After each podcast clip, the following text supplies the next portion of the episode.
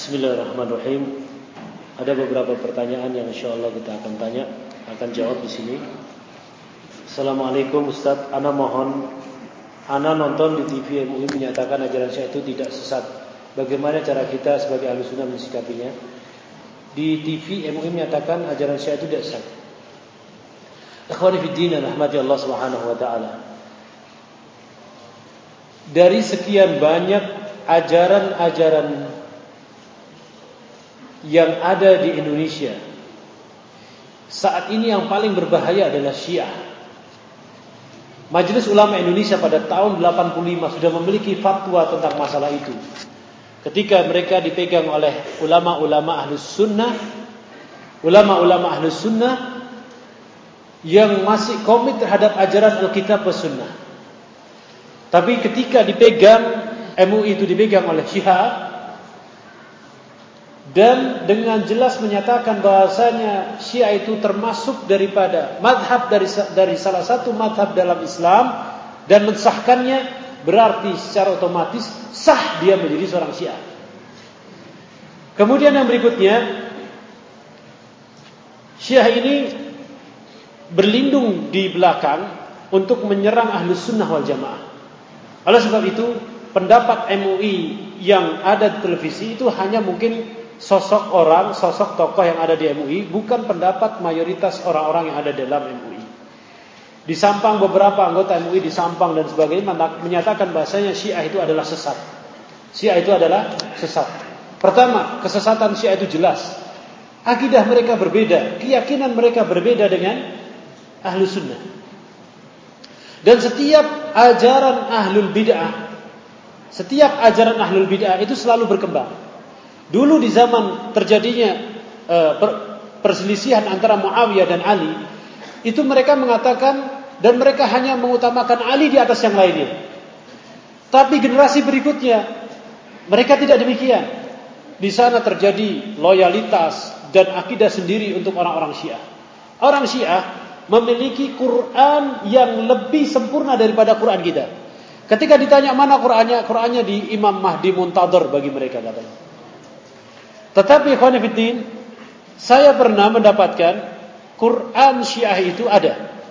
Ketika saya berkunjung ke Kuwait, saya mendapatkan Quran itu. Kebetulan saya masuk ke masjid, salah, salah saya, saya salah masuk masjid. Ya, e, mau salat zuhur kok tidak ada azan.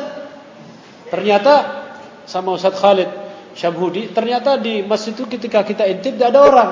Adanya saja sajadah yang ada di di di, di sajadah batu Karbala batu Karbala. Dan kita mendapati Quran mereka lebih tebal daripada Quran kita dan ditafsirkan dalam bahasa Persia. Ditafsirkan dalam bahasa Persia. Quran mereka saja lebih lengkap daripada Quran kita. Berarti Qurannya sudah berbeda. Kemudian keyakinan yang berikutnya, mereka memiliki keyakinan, mereka memiliki akidah tentang masalah a'immah. Imam-imam yang mereka miliki adalah maksum.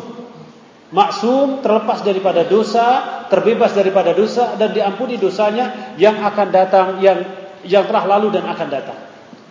Ada beberapa penyimpangan-penyimpangan akidah Syiah, ada banyak sekali. Ya, dan itu bisa kita tafsirkan dalam kajian kita yang akan yang akan datang. Kemudian ikhwan fillah rahmati Allah Subhanahu wa taala.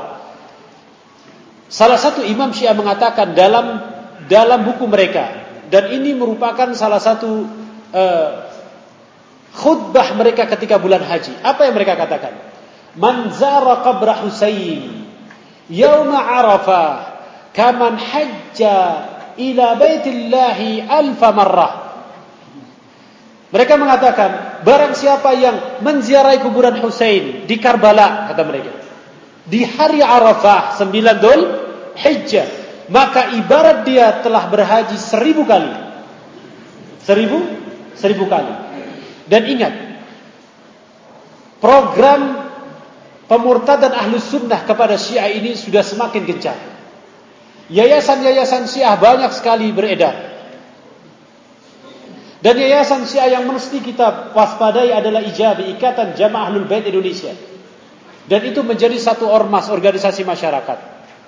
Kemudian Syiah juga telah mengadakan Sitlatnas Nasional, Silaturahmi Nasional yang dihadiri oleh kurang lebih 800 yayasan dua tahun lalu di asrama haji Pondok Gede. Bayangkan, Yayasan Syiah sudah mencapai 800 yayasan mengadakan silaturahmi nasional. Berarti Syiah sudah menyebar di negeri kita ini. Kemarin saya mendapatkan kabar ketika harga minyak itu naik, maka tentunya negeri Teluk itu menjadi kaya.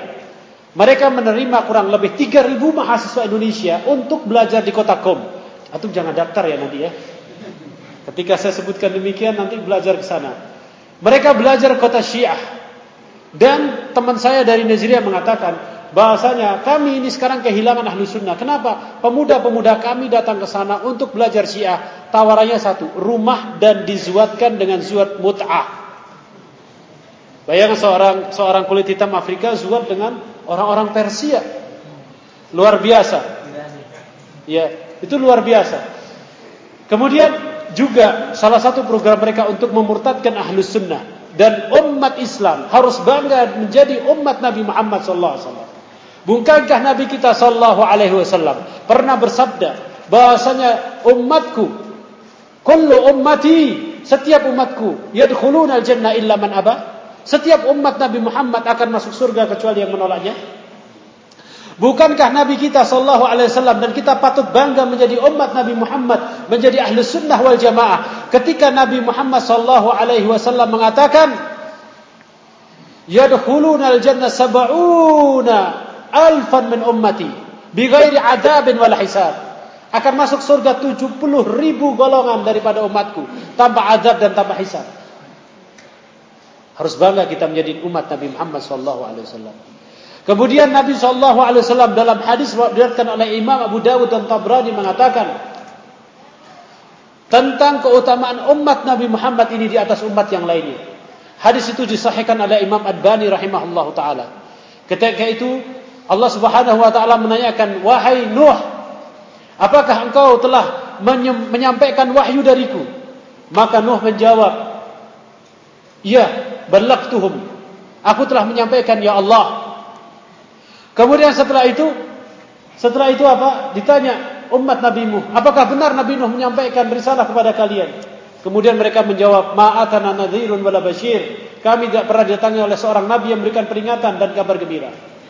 Kemudian Nuh menjawab, "Sesungguhnya umat Nabi Muhammad akan menjadi saksi tentang risalah yang saya bawa." Ini menunjukkan keutamaan umat Nabi Muhammad SAW. Oleh sebab itu, program Syiah kedepannya adalah memurtadkan umat Nabi Muhammad agar mereka menjadi tasyayyu' menjadi Syiah. Dan sekarang sudah terjadi. Sekarang sudah terjadi. Wallahu a'lam bissawab. Saya pernah mendapatkan ketika saya salat di haram, mendapatkan beberapa mahasiswa Indonesia yang salatnya sudah mulai tepuk tangan. Assalamualaikum. Satu kali tepuk laknat kepada Abu Bakar, dua kali tepuk laknat kepada Umar dan mereka katakan Abu Bakar dan Umar itu sanamun min asnamil jahiliyah. Dan mereka mengatakan bahasanya kalau seandainya kami menguasai kalian, maka pertama kali yang akan kita keluarkan adalah kuburan Abu Bakar dan Umar dari sisi Rasulullah sallallahu alaihi wasallam. Banyak sekali hal-hal yang yang menceritakan tentang masalah ya ini, ini kajiannya sangat khusus sekali. Adakah adakah sekolah yang bernama Salatia ada? Di Mekah ada. Dan bagaimana sekolah itu wallahu a'lam bisawab. Tapi sebaiknya kaum muslimin yakni menuntut ilmu di tempat yang jelas, yang memiliki kurikulum yang jelas, memiliki ijazah yang jelas, diakui oleh kedutaan Republik Indonesia yang ada di sana dan juga diakui oleh Kementerian Agama di sini. Kenapa seorang dokter hadis Madinah di Jakarta yang sekolah menjabat MPR ikut membuang kepala kambing di pantai ini adalah hidayah dari Allah Subhanahu wa taala. Banyak orang yang belajar di Mekah, banyak orang yang belajar di Madinah. Dia menulis disertasinya sebagai seorang doktor, menukil perkataan Syekhul Islam Ibn Taimiyah, menukil perkataan Syekh Muhammad Ibn Abdul Wahab dan menasihati umat untuk kembali kepada ajaran mereka, tapi ketika sudah balik ke Indonesia lupa apa yang dia tulis banyak. Oleh sebab itu ikhwan tidak heran tidak heran kalau mereka menuduhkan beberapa hal tuduhan dan tuduhannya tidak valid. Ketika menuduhkan ini loh nama-nama teroris, padahal orang kalau ingin menuduhkan di yayasan ini teroris, yayasan itu terus harus ada buktinya yang jelas. Dia sendiri ketika menulis nama yayasan-yayasan tadi, apa yang dia tulis dengan nama yayasannya salah. Sumama yayasan A, pimpinannya adalah ini. Orang ini tidak pernah menjadi pimpinan yayasan itu dari dia dilahirkan sampai sekarang.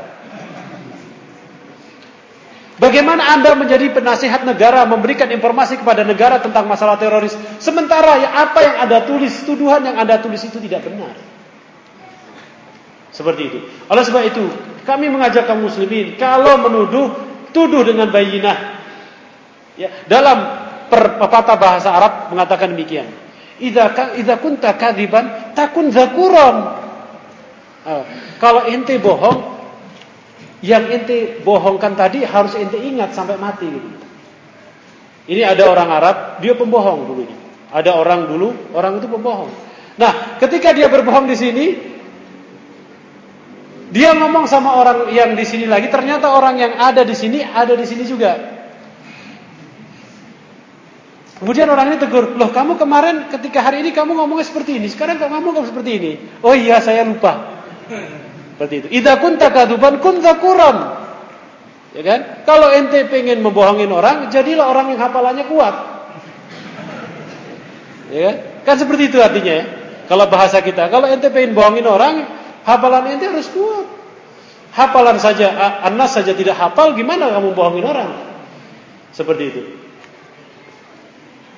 Apakah dosa, apakah merokok itu termasuk dosa besar? Merokok itu menghancurkan jiwa. Dan setiap yang menghancurkan jiwa itu adalah dosa. Dan wala tulqu aydiyakum ila tahluka aydikum ila tahluka. Jangan kalian campakkan tangan kalian pada kehancuran. Rokok itu tidak ada yang berguna dari A sampai Z. Batangnya filternya terbuat dari bahan paralon, kertasnya terbuat dari bahan kertas. Antum kalau tanya pada ahli kertas, bahan untuk memutihkan kertas ini apa? Ini bahan kimia semua. Oleh sebab itu ketika orang yang merokok, dia tidak batuk-batuk, rasanya enak sekali merokok, berarti paru-parunya sudah rusak. Kalau dia merokok dan belum batuk-batuk, paru-parunya sehat. Makanya orang yang tidak pernah merokok, dikumpulkan sama orang merokok, itu biasanya sesak dan dia tidak bisa terima. Dan merokok ini sudah diperingatkan oleh pemerintah. Saya mengambil perkataan pemerintah. Merokok itu dapat mengganggu kesehatan Anda. Menyebabkan jantung, impotensi, apalagi kemandulan dan sebagainya. Itu pemerintah sudah ngomong demikian. Ya, berarti itu mengandung bahaya yang luar biasa. Pada sebab itu jauhilah rokok, buanglah rokok. Ya, dan alhamdulillahirabbil alamin banyak sekali negara-negara yang berhasil memerangi rokok ini. Tetapi negara kita belum berhasil memerangi rokok. Rokok itu menjadi satu pendapatan yang luar biasa di negeri kita ini. Coba siapa yang kaya di negeri kita ini? Yang kaya adalah pengusaha pabrik rokok. Siapa yang punya gedung yang tinggi-tinggi di Jakarta Jalan Sudirman adalah pengusaha pabrik rokok. Coba kaum muslimin tidak merokok sehari, maka akan bangkrut perusahaannya secara otomatis. Seperti itu. Bagaimana caranya membongkar kesesatan praktek dukun, sihir, kesatan kiai yang menggunakan praktek dukun uh, sihir dan lain sebagainya gampang. Gampang sekali uh, yang seperti ini banyak sekali dan antum perlu ingat. Banyak sekali pesantren di tanah Jawa, tanah leluhur. Mengajarkan ajaran-ajaran seperti ini. Kalau pengen mengungkap uh, maling, maka tulislah di uh, apa, telur tulisan ini dan itu terus celupkan di air maka di situ akan kelihatan siapa yang mencuri. Kemudian kalau ini seperti ini seperti itu diajarkan di beberapa pesantren-pesantren dan itu adalah ilmu sihir. Saya pernah jalan-jalan di Perpustakaan Nasional Republik Indonesia di lantai berapa tiga, tiga lantai empat mencari Kitabul Hadli bin Hibban. Pada waktu itu saya temukan primbon dalam bahasa Jawa yang asli itu mengajarkan ilmu sihir dan ternyata ajaran-ajaran itu ada di sebagian pesantren-pesantren kita. Ada di sebagian pesantren-pesantren yang ada di, tanya, di tanah Jawa. Oleh sebab itu, biasanya orang yang belajar ke pesantren di, di Jawa itu di, dikatakan wah ilmunya sudah tinggi sekali. Artinya ilmu sudah tinggi sekali, dia bisa ngilang, dia bisa mencari barang hilang, dia bisa mengobati ini, bisa mengobati itu, itu ilmunya sudah tinggi sekali. Ilmu di sini bukan dia kembali kepada Al-Quran dan Sunnah tidak, tapi bagaimana dia mempelajari hal-hal yang yang mistik seperti ini. Itu yang mereka maksudkan. Kemudian Assalamualaikum Benarkah hadis bila seorang wanita mau dipoligami akan mendapatkan payung Siti Fatimah di akhirat Hadis ini adalah hadis yang dhaif Hadis ini adalah hadis yang yang dhaif Banyak riwayat-riwayat yang dhaif Yang menerangkan tentang keutamaan satu amalan. Intinya masalah poligami ini ada, ada babnya sendiri Dan ada keutamaannya sendiri Dan ada perintahnya sendiri. Dan pembahasannya mungkin akan dibahas pada kesempatan-kesempatan yang tersendiri. Wallahu alam karena banyak sekali orang yang yang melakukan poligami ini lebih uh, lebih pandai membahas tentang masalah poligami daripada saya.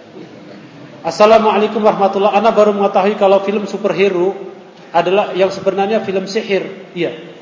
Film superhero adalah film sihir. Sekarang coba antum lihat film sihir Harry Potter dari 1 2 sampai sekarang sampai berapa? Itu adalah hakikat orang menghidupkan sihir. Hakikat orang menghidupkan apa yang Allah Subhanahu wa taala murkai. Dan ini adalah kejahilan yang nyata. Kejahilan yang nyata. Dulu di tanah air kita banyak sekali sihir. Kemudian datanglah Islam. Sihir itu mulai disingkirkan sedikit demi sedikit. Kemudian sekarang ini sihir mau, mau dihidupkan lagi oleh sebagian orang. Dan orang-orang yang mempelajari sihir dengan jelas kita katakan mereka memiliki hubungan khusus dengan syaitan hubungan khusus dengan syaitan. Oleh sebab itu, orang-orang yang mempelajari sihir memiliki perilaku-perilaku yang tidak jelas, aneh. Rambutnya aneh, penampilannya aneh. Dan diceritakan dalam sebuah buku sihir, bahasanya sihir yang paling hebat, sihir yang paling hebat adalah sihir yang menghinakan ayat-ayat Al-Quran.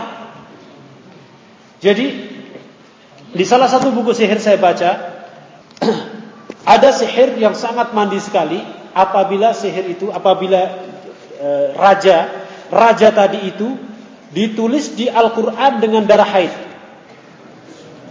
Jadi itu sihir yang paling yang paling hebat. Itu sihir dari tubuh, ya. Itu tolasimnya tadi, Al-Qur'an dia robek, kemudian dia tuliskan tolasim tadi, raja-raja tadi di Al-Qur'an dengan darah haid. Kemudian setelah itu, tolasim tadi, raja tadi itu digunakan untuk mandi, untuk membuka auranya katanya. Untuk membuka auranya. Kemudian juga jenis sihir yang berikutnya menaruh Al-Qur'an sebagai keset. Keset habiskan mandi dia keset itu di bawahnya Al-Qur'an. Juga Al-Qur'an dijadikan sebagai bantalan apa? Bantalan dia ketika nyupir. Nah itu semakin menghinakan Allah dan Rasulnya maka semakin tinggi kedikjayaan yang mereka miliki. Itu ilmu sihir. Kemudian ada bentuk yang lainnya ilmu-ilmu sihir yang lainnya dan itu halus sekali seolah-olah itu daripada Islam. Ini juga bentuk daripada ilmu sihir. Ini bentuk daripada ilmu sihir meskipun baca selawat sekian kali, kemudian tasbih tahlil sekian kali, ini sekian kali, kemudian habis itu uh, dia tidak makan ini dan tidak makan itu, itu juga bentuk daripada sihir. Karena apa? Karena syaitan ingin tahu manusia ini taat kepadanya. Ketika taat kepadanya dia akan berkhidmah, memberikan khidmah kepada syaitan tadi. Kemudian yang berikutnya super super film superhero itu adalah pembelajaran yang menggerogoti generasi bangsa ini, menjadikan anak-anak kita tidak percaya diri. Di sana ada kekuatan lain selain Allah Subhanahu wa taala. Harry Potter, Superman dan super superhero yang lainnya. Ya, bahkan di sebagian uh, di, di televisi Saudi pemutaran film-film superhero itu diharamkan. Pemutaran film-film superhero itu diharamkan. Ya. Kemudian juga karton-karton yang bersifatkan superhero itu diharamkan. Tapi ikhwan fillah, pertelevisian kita tidak jeli di dalam masalah ini. Kita tutup sampai di sini dulu. Mudah-mudahan bermanfaat. Kita akan bertemu lagi pada kesempatan-kesempatan yang akan datang insyaallah taala. Subhanakallahumma bihamdika asyhadu an la ilaha illa anta astaghfiruka wa atubu ilaik. Assalamualaikum warahmatullahi wabarakatuh.